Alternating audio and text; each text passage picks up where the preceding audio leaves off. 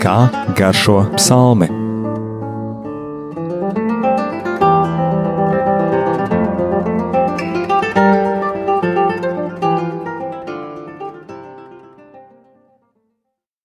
Slavēts Jēzus Kristus.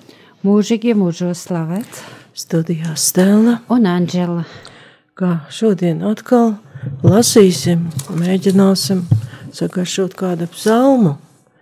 Un tā kā ir gavēņa laiks, kā jau iepriekš teica, vairāk pievērsīsimies psalmiem, kur rakstītājs sauc uz Dievu, ir cietējis, lūdz Dievu palīdzību un runā par savām ciešanām, un kuros mēs redzam, ka neatkarīgi no tā, kādā situācijā viņš ir nonācis, viņš turpina cerēt uz Dievu un meklēt viņa palīdzību, kas varbūt ir diezgan liela atšķirība no mūsdienu situācijas, kad ļoti liela daļa meklē palīdzību paši pie sevis, kā mēs to tagad redzam.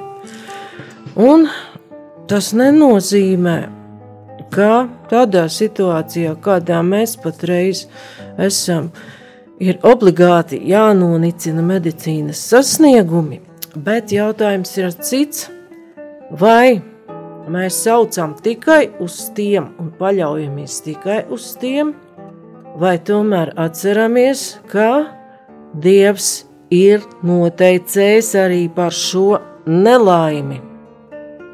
Un, ja mēs savienotu visus šos notikumus, arī situāciju, kādu mēs redzēsim Dāvida psalmā, īņķa grāmatu, tad tās iesākumā mēs redzam, ka tur tās nelaimes iesācējs bija ļaunais gars, kurš teikt, uzmudināja Dievu pārbaudīt taisnīgo.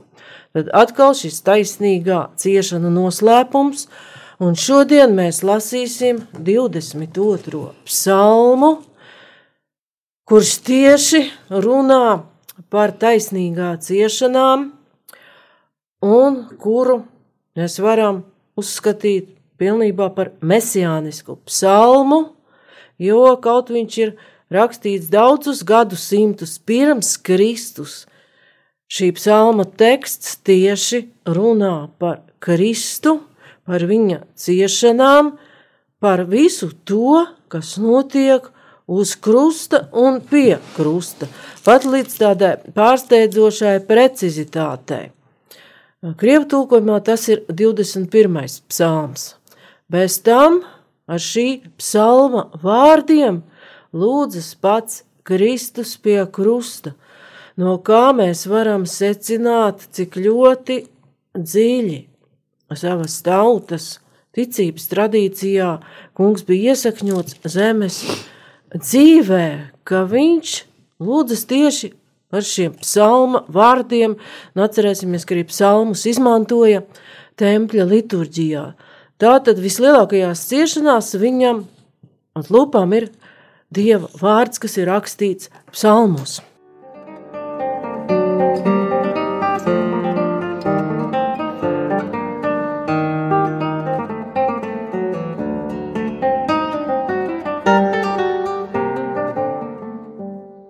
Te mēs lasām, ka tas ir Dāvida dziesma.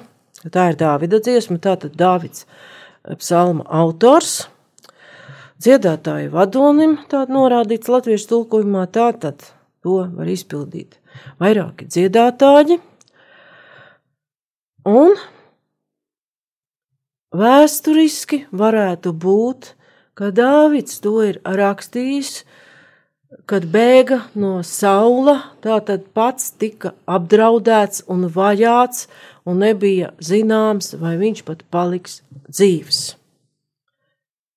Un otrajā pantā reiz viņš uzdod šo jautājumu, kuru pēc viņa, varbūt arī pirms viņa, ļoti daudzi cietēji ir uzdevuši Dievam. Mans Dievs, mans Dievs, kāpēc tu mani esi atstājis. Tu esi tik tālu no manis ar savu palīdzību un nedzirdi manu saucienu vārdus. Es saucu dienā, bet tu man neatbildi.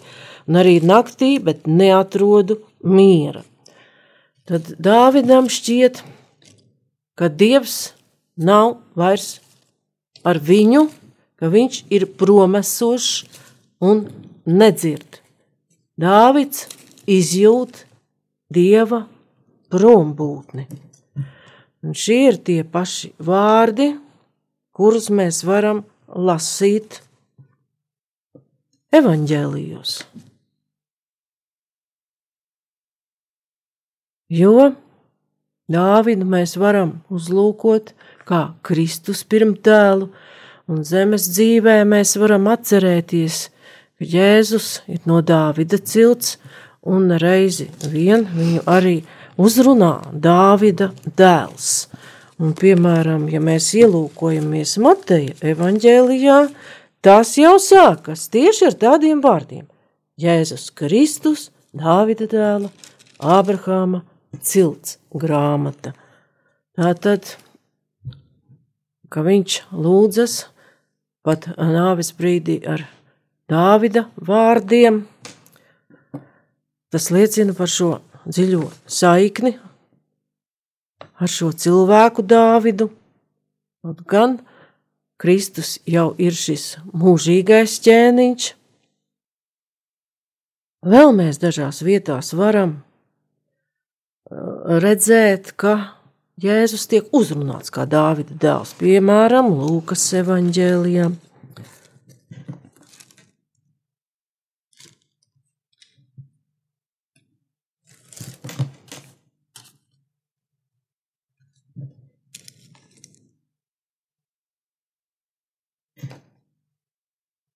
18. nodaļa, 38. pants. Kad kāds aklais saņem ziņu no ļaužu bara garām gājējiem, ka Jēzus nācerietis iet garām, mēs lasām, ko tad šis aklais sauc. Tad viņš sauca Jēzu, Dāvida dēls, apžēlojies par mani.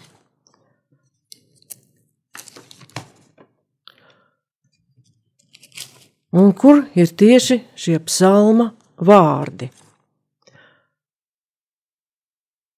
Tos mēs varam lasīt Marka evanģēlijā, 15. nodaļā, 34. pants.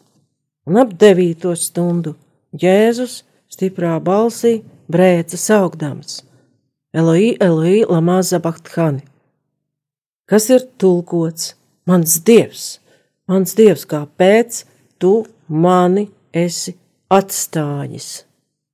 Tātad tie paši vārdi, kurus ir izrunājis ķēniņš Dāvids savā psalmā.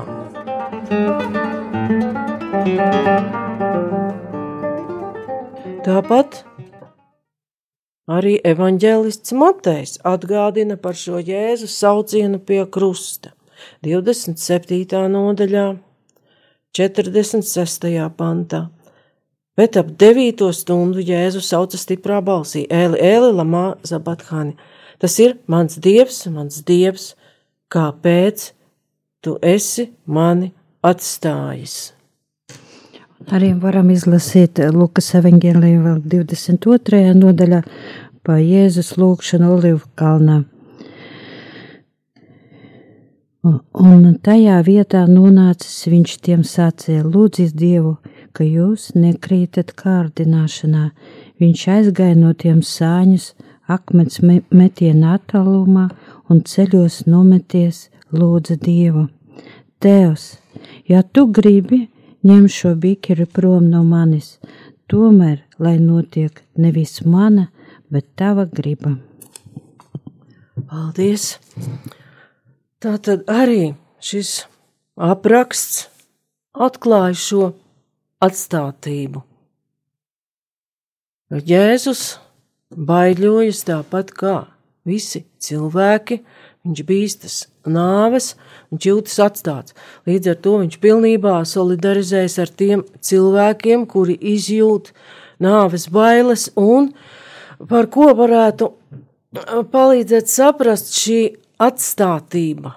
Viņš ar to uzņem šo cilvēka grēku, dieva ķērs, kas nes cilvēka grēkus, kā mēs varētu lasīt Jāņa evaņģēlijā. Viņš uzņemas tāda cilvēka situāciju, kurš ir no dieva atšķirts ar grēku. Bet atšķirība ir tā, ka viņš bija bez grēka. Un arī, ja mēs runājam par tām bailēm, arī Lūkas evanģēlīja tajā pašā 22. nodaļā, Jēzus lūkšana Olivkalnā, 44. pantā varam lasīt, nāves baiļu pārņemts, viņš lūdza Dievu vēl stiprāk. Un viņa sviedri kā biezas asins lāses ritēja zemē.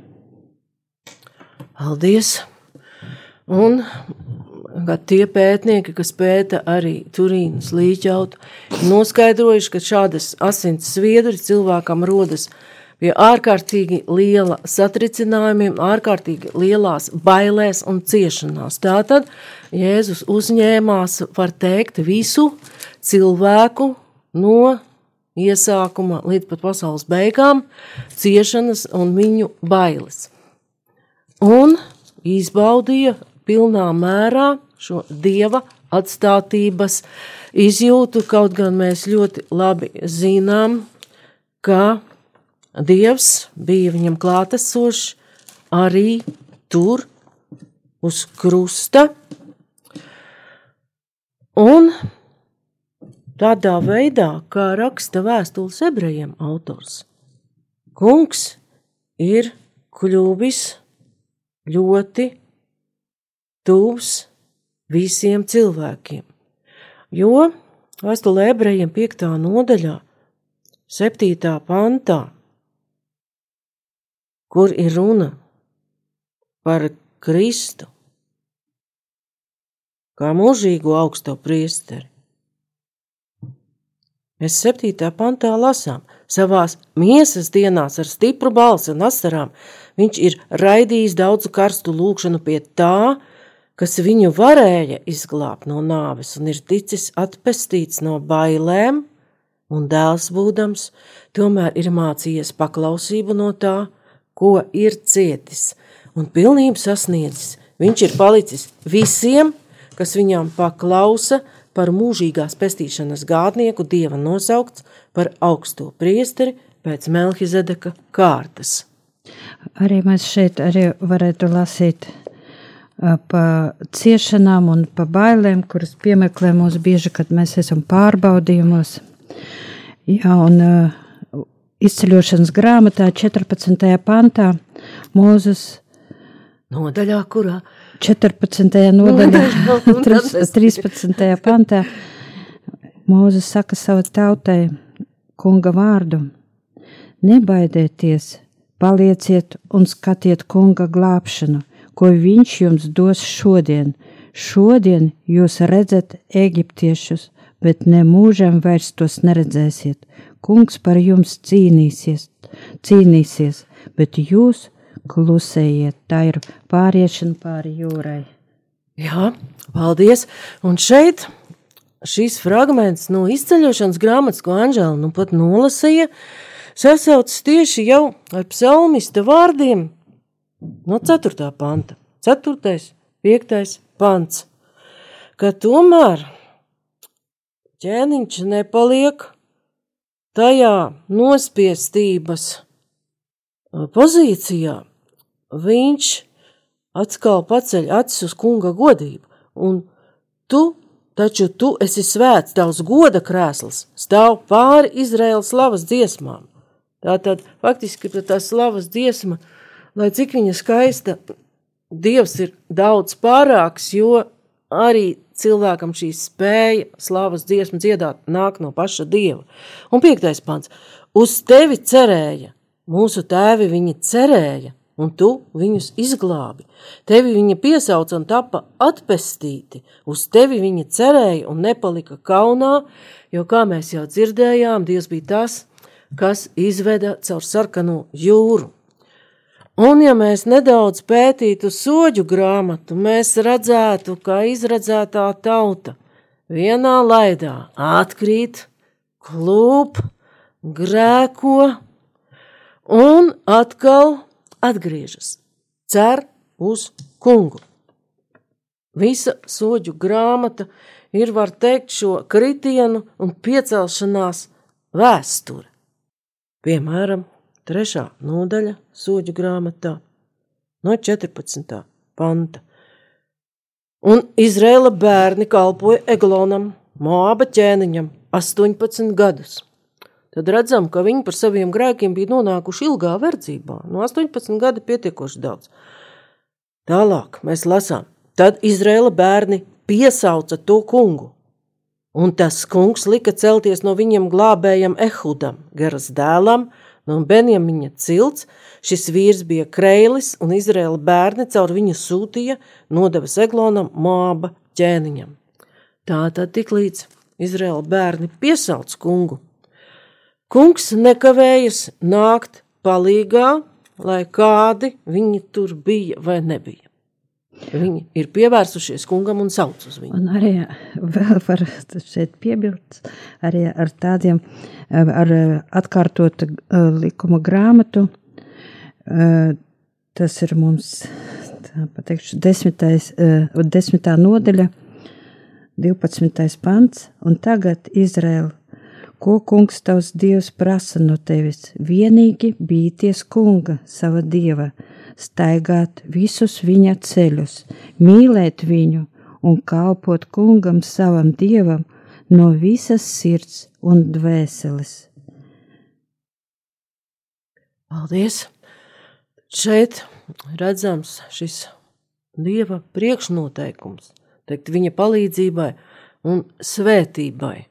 Staigāt viņa ceļos, bīties viņa, Un, ja mēs lasītu kādus vārdus no gudrības grāmatām, kaut vai no tā paša Salamana pamācībām, redzētu, ka arī tur šis gudrais atzīst, ka dieva bijāšana ir gudrības iesākums, un tur nav runa par tādu baidīšanos, kā mēs baidamies no tās policijas komandāta stundā. Tur ir respekts pret dieva doto likumu, un pievēršanās šim likumam, lai to pildītu, jo bijība, pat cieņa, viņi var būt pat pilnīgi nesavienojami ar bailēm. Un arī varam turpināt ar 21. pantu tajā pašā nodaļā. Viņš ir tava slava, un viņš ir tavs dievs, kas tev darīs visas šīs lielās un varenās lietas, ko tu esi redzējis savā dzīvē. Paldies! Ka šeit jau izvērstāks komentārs iznāk caur svētajiem rakstiem par to, ko Dāvids atcerās tajā 5. un 6. pantā. Bet no 7.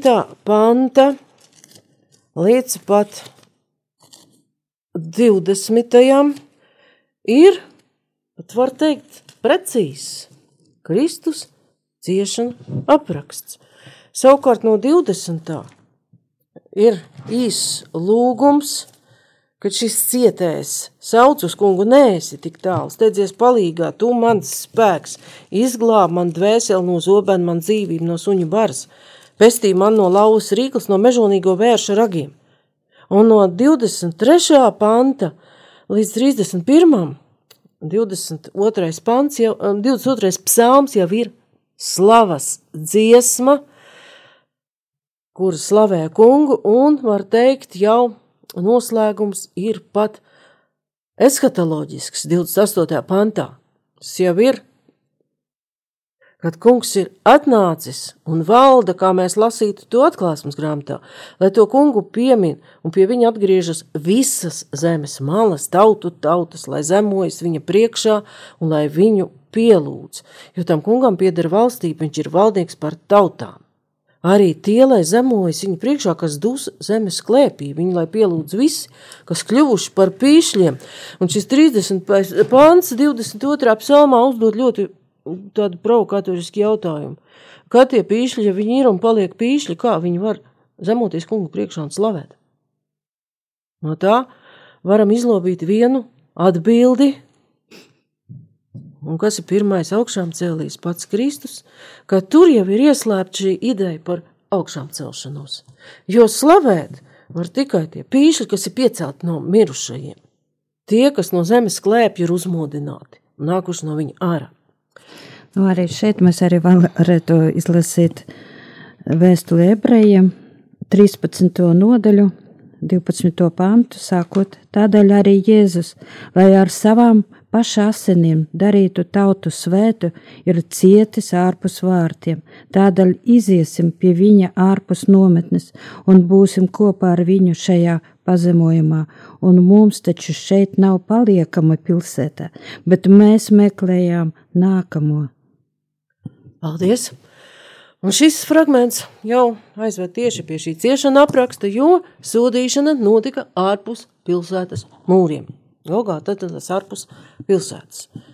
Un tagad mēs varam pievērsties šim psalma vidusdaļai, kur teksts ir ļoti, ļoti tuvs evaņģēliju ciešanu aprakstiem.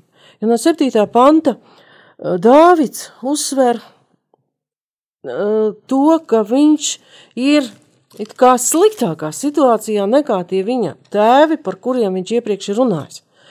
Es esmu tārps, ne cilvēks. Astotais pants. Visi, kas man ir redz, nievā mani savā klūpas un krata galvu, lai nu viņš pārmet to tam kungam, lai tas viņu izglābi, lai izrauj no bēdām, jo tām jau uz viņu labs prāts. Un Tieši tā izturas arī klātesošie pie krusta.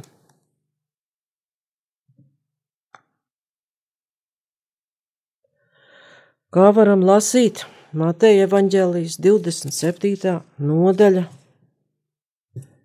kad Jēzus ir saucis šo saucienu, kad Dievs viņu ir atstājis. 49. pantā citi sacīja pagaidi, redzēsim, vai Ēlija nāks un glābs viņu. Un iepriekš mēs varam lasīt 27. nodaļā Mateja evaņģēlija 41. pantā un tālāk, vai pat varam sākt no 39. Bet garām gājēji zaimoja viņu galvas kratīdami un sacīja, viņš gribēja noplēst templi un to atkal uzcelt trijās dienās. Palīdzi pats sev, ja tu esi dieva dēls, kāp no krustas zemē. Tāpat augstie priesteri līdz rakstu mācītājiem un vecajiem apsmēja viņu, sacīdami. Šeit pat varbūt ir pārsteigums, ka tie ir cilvēki, kuri zināja rakstus un būtu varējuši Jēzu atpazīt, kas viņš ir. Viņi viņu apsmēja, sacīdami, 42. pants tālāk. Citiem viņš palīdzējis, bet pats sev nevar palīdzēt. Ja viņš ir Izraēla ķēniņš, lai nokāpja no krusta, tad mēs ticēsim uz viņu. Viņš dievam uzticējies, tas, lai glābj viņu, ja grib, jo viņš ir sacījis, es esmu dieva dēls. Mēs šādu līdzīgu aprakstu varam atrast arī citos evaņģēlijos, bet šis ir tāds ļoti izvērsts un saskan šie psalmista vārdiem. Un Līdzīgu tekstu mēs varētu atrast arī Salamana gudrības grāmatā, kuru mēs pētījām iepriekšējā reizē, ka arī tur taisnīgais, kurš agri iet bojā, bet paļaujas uz Dievu, tiek apsmiets. Un vai mēs daudz kur tālāk esam tikuši mūsdienās, diez vai, jo cilvēks, kuram ir ciešanas, neiet, viņš ir bēdās un tomēr cerē uz Dievu, tiek uzskatīts par tādu, nu, ka viņš mazliet vai maitājies prātā, ka vajadzētu uz kaut ko citu cerēt. Un arī pašreiz šķiet ir tieši tā tendence, ka Vajadzētu cerēt uz daudz ko citu, sākot ar naudu un beidzot ar zinātnes sasniegumiem, jo to dievu taču nevar redzēt, nevar sataustīt, un kur viņš vispār ir, ja viņš kaut ko tādu pieļauj. Jau sākot ar tiem laikiem, kā dievs var pieļaut taisnā nāvi, Kāpēc Dievs pieļauj, ka kaut kāda slimība izplatās pa visu pasauli un neviens viņu nevar savaldīt, un cieš arī taisnīgie tai vidū cilvēki, par kuriem mēs zinām, ka viņi ir taisnīgi, ka viņi paļaujas uz kungu. Un šeit, pie tā, pie ko, tu, ko tu tagad pateici, Stela var izlasīt Pāvila vēstuli romiešiem, desmitajā nodaļā. Un ja tu ar savu muti apliecināsi Jēzu par kungu un savā sirdī ticēsi, ka Dievs viņu uzmodinājis no mirušajiem un tiksi glābts, tu tiksi glābts, jo ar sirdi tic, lai saņemtu taisnību, bet ar muti liecina, lai gūtu pestīšanu. Tādēļ raksti saka, ik viens, kas tic uz viņu, nepaliks kaunā. Paldies! Tātad šeit Pāvils runā par pretēju situāciju, nekā tika uzskatīts vecās derības laikā. Jo kas tad bija šī krusta nāve? Vergus tā sodīja. Bija pazemojums, galējs pazemojums.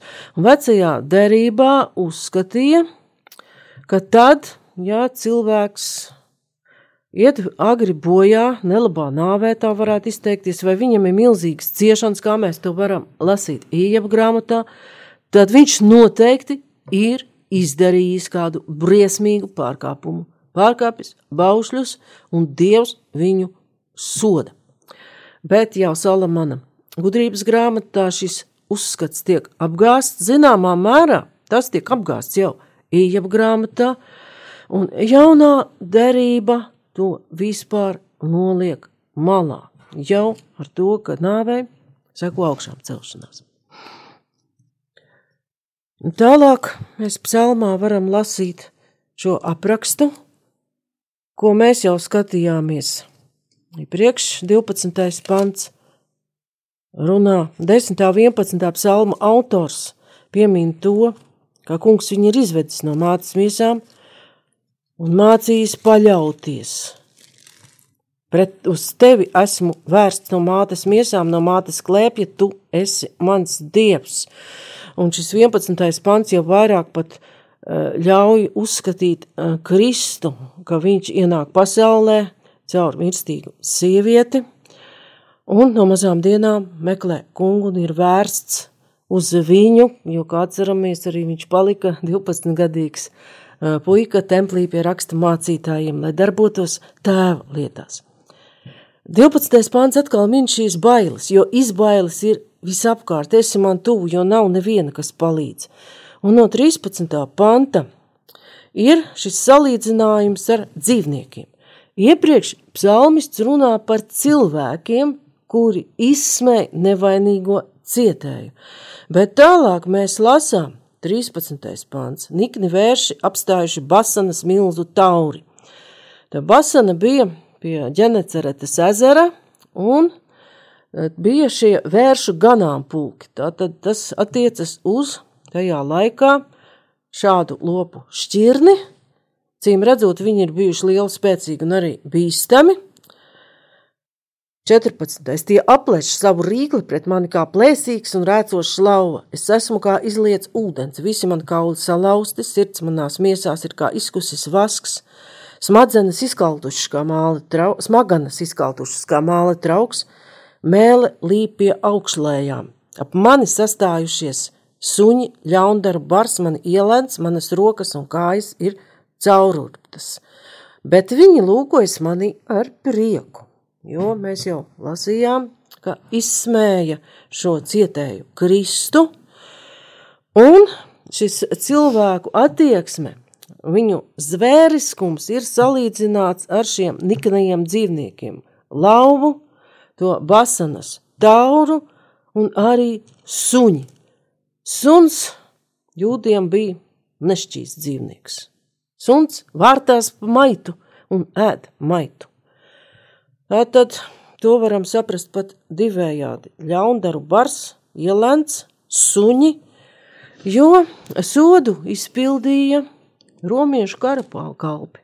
Un tieši to sodu spriedumu jau izteica Pilāts, kas bija romiešu prokurators. Tātad suņi, pagāni, romieši izpildīja sodu, kuru panāca, var teikt, un kā Pilārs pats atzina, ka aiz skaudības viņi to nodevuši vienā no evaņģēlijiem, panāca jau tie ne suņi. Un, ja mēs iedziļināmies atkal evaņģēlijos, tur ir tāds liels paradoks, ka Jēzu kā dieva dēlu atpazīst, var teikt, tieši tie, par kuriem tas mutis ašķobījušais rakstu mācītājs teikt, suns, pagāns, atpazīst. Kad mēģināsim atrast tieši kur, tādu skaidru tekstu.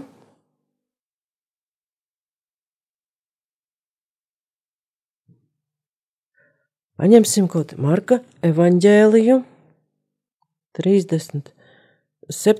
pants un tālāk, bet Jēzus stiprā balsī iekliedzās un nomira.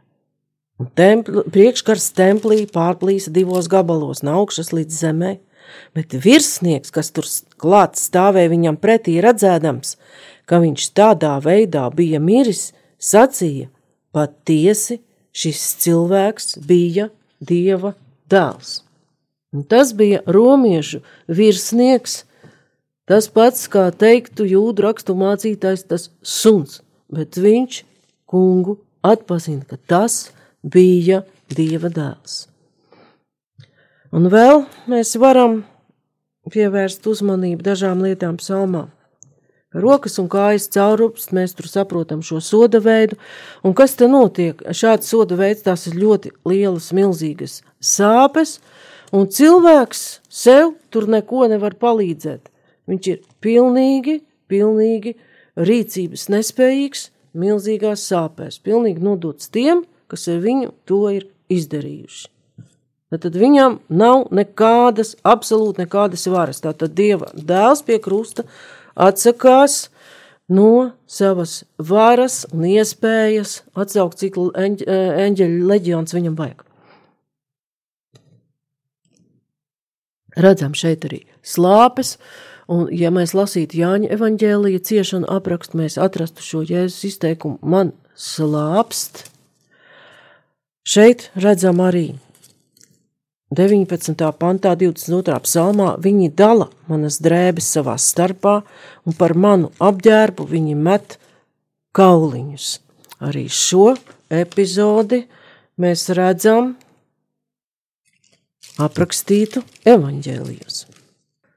Tātad, kuru evaņģēliju mēs varētu paņemt? Mums Matejs bija, Marku mēs redzējām, varbūt kādu citu. 19. nodaļa varētu būt. Jāņa? Jā, Jā, ļoti 23. labi. Jā, pāns. jā, lasi. Kad karavīri Jēzu bija situši krustā, tie ņēma viņa drēbes un sadalījuši četriem, katram karavīrim pa daļai. Tie ņēma arī kreklu, kas nebija šūts, bet noausts vienā gabalā no augšas līdz apakšai. Tad karavīri viens otram sacīja: Neplēsīsim to, bet lozēsim, kam kas tiks. Tā piepildījās raksti. Paldies! Tātad Jānis pat tieši atsaucas uz šo 22. psalmu, kura raksti, tātad šis ķēniņa Dāvida pravietojums jau daudzus gadsimtus vecs piepildās, un evaņģēlists to aptver. Un tālāk mēs varam lasīt jau psalma nobeigumā, kā jau es minēju, ka psalmists tad reizi ar Kristu sauc uz kungu, ka viņš ir tas, kas var izglābt dvēseli no zobena un manu dzīvību no suņu varas, izpestīt no lauvas rīklas, no mežonīgo vēršu ragiem. Te ir arī tas ragas simbols, tā tad izpestīt no bezdievīgo varas, jo vara ir varu simbolizē raks. To mēs vairākas, varētu vairākās vietās, pat svētajos rakstos, atrast. Un kā jau minēju, beidzas šis psalms ar slavas dziesmu, ka ķēniņš par tevi es dziedāšu lielā draudzē, es pildīšu savus solījumus to priekšā, kas tevi bīstas. Pazemīgie ēdīs un būs pēduši, un kas to kungu meklē, tie viņu slavēs. Jūsu sirdis, lai dzīvo mūžīgi. Tā tad arī šeit mēs redzam jau to, ka ķēniņa dziesmā ieskanas šī doma par mūžīgu dzīvi, kuru sasniegs pazemīgie, kur ēdīs un būs pēduši. Un 31. un 32. pants jau it kā dod uzdevumu, lai par to kungu stāsta nākamajām paudzēm un par viņa taisnību, ko viņš darīs, lai sludina radu radījumu. Viņi nāks un sludinās viņa taisnību tiem ļaudīm, kas vēl dzims, ka viņš to ir darījis. Tātad nodot tālāk vēsti par kunga varenajiem darbiem. Jā, tā vēl gribat izlasīt. Jā, tādēļ eh, no Pāvila vēstules, otrās vēstules korintiešiem, piektās nodaļas, viss ir no Dieva, ka mūs ar sevi caur Kristu ir samirinājis un ir uzdevis mums šai izlīgšanai kalpot. Tādējādi Dievs Kristu pasauli samierina ar sevi un nepieskaita cilvēkiem viņa pārkāpumus, un mūsos viņš ir ielicis izlieguma vēsti. Kristus dēļ mēs esam sūtņi, it kā Dievs sauktu caur mums. Kristus dēļ mēs lūdzam, saņemiet šo izlīgumu ar Dievu. Viņu, kas grēku nepazina, viņš mūsu dēļ padarīja par grēku, lai mēs viņā taptu par Dieva taisnību. Paldies! Tad redzam, ka šis teksts jau pat komentē šo noslēgumu slavas dziesmu 22. psalmam, un šajā izlīgumā, ja mēs tālāk vēl pievērstos vienai no Pētera vēstulēm, ir ietverts arī katra cilvēka, mūsdienu cilvēka ciešanas, un līdz ar to šī piedalīšanās šajā izlīgumā, arī Kristus ciešanās, dod tam jaunu jēgu. Paldies par uzmanību! Studijā bija Stela un Anģela.